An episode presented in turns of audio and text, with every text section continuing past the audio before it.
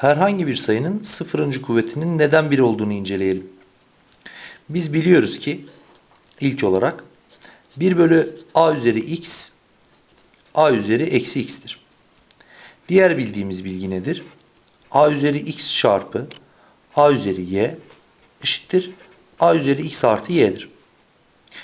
Matematikte bir sayının kendisine oranının 1 olduğunu bildiğimize göre a üzeri x bölü a üzeri x'in de 1'e eşit olduğunu söylemek zor değildir. Buradan birinci özelliğimizi kullanarak paydadaki a üzeri x'i yukarıya a üzeri eksi x diye alıp ikinci özelliğimizi kullanarak da tabanlar aynı olduğunda üstleri topladığımızda a üzeri x eksi x eşittir 1 olduğu görülmektedir. Buradan a üzeri 0 eşittir 1'dir.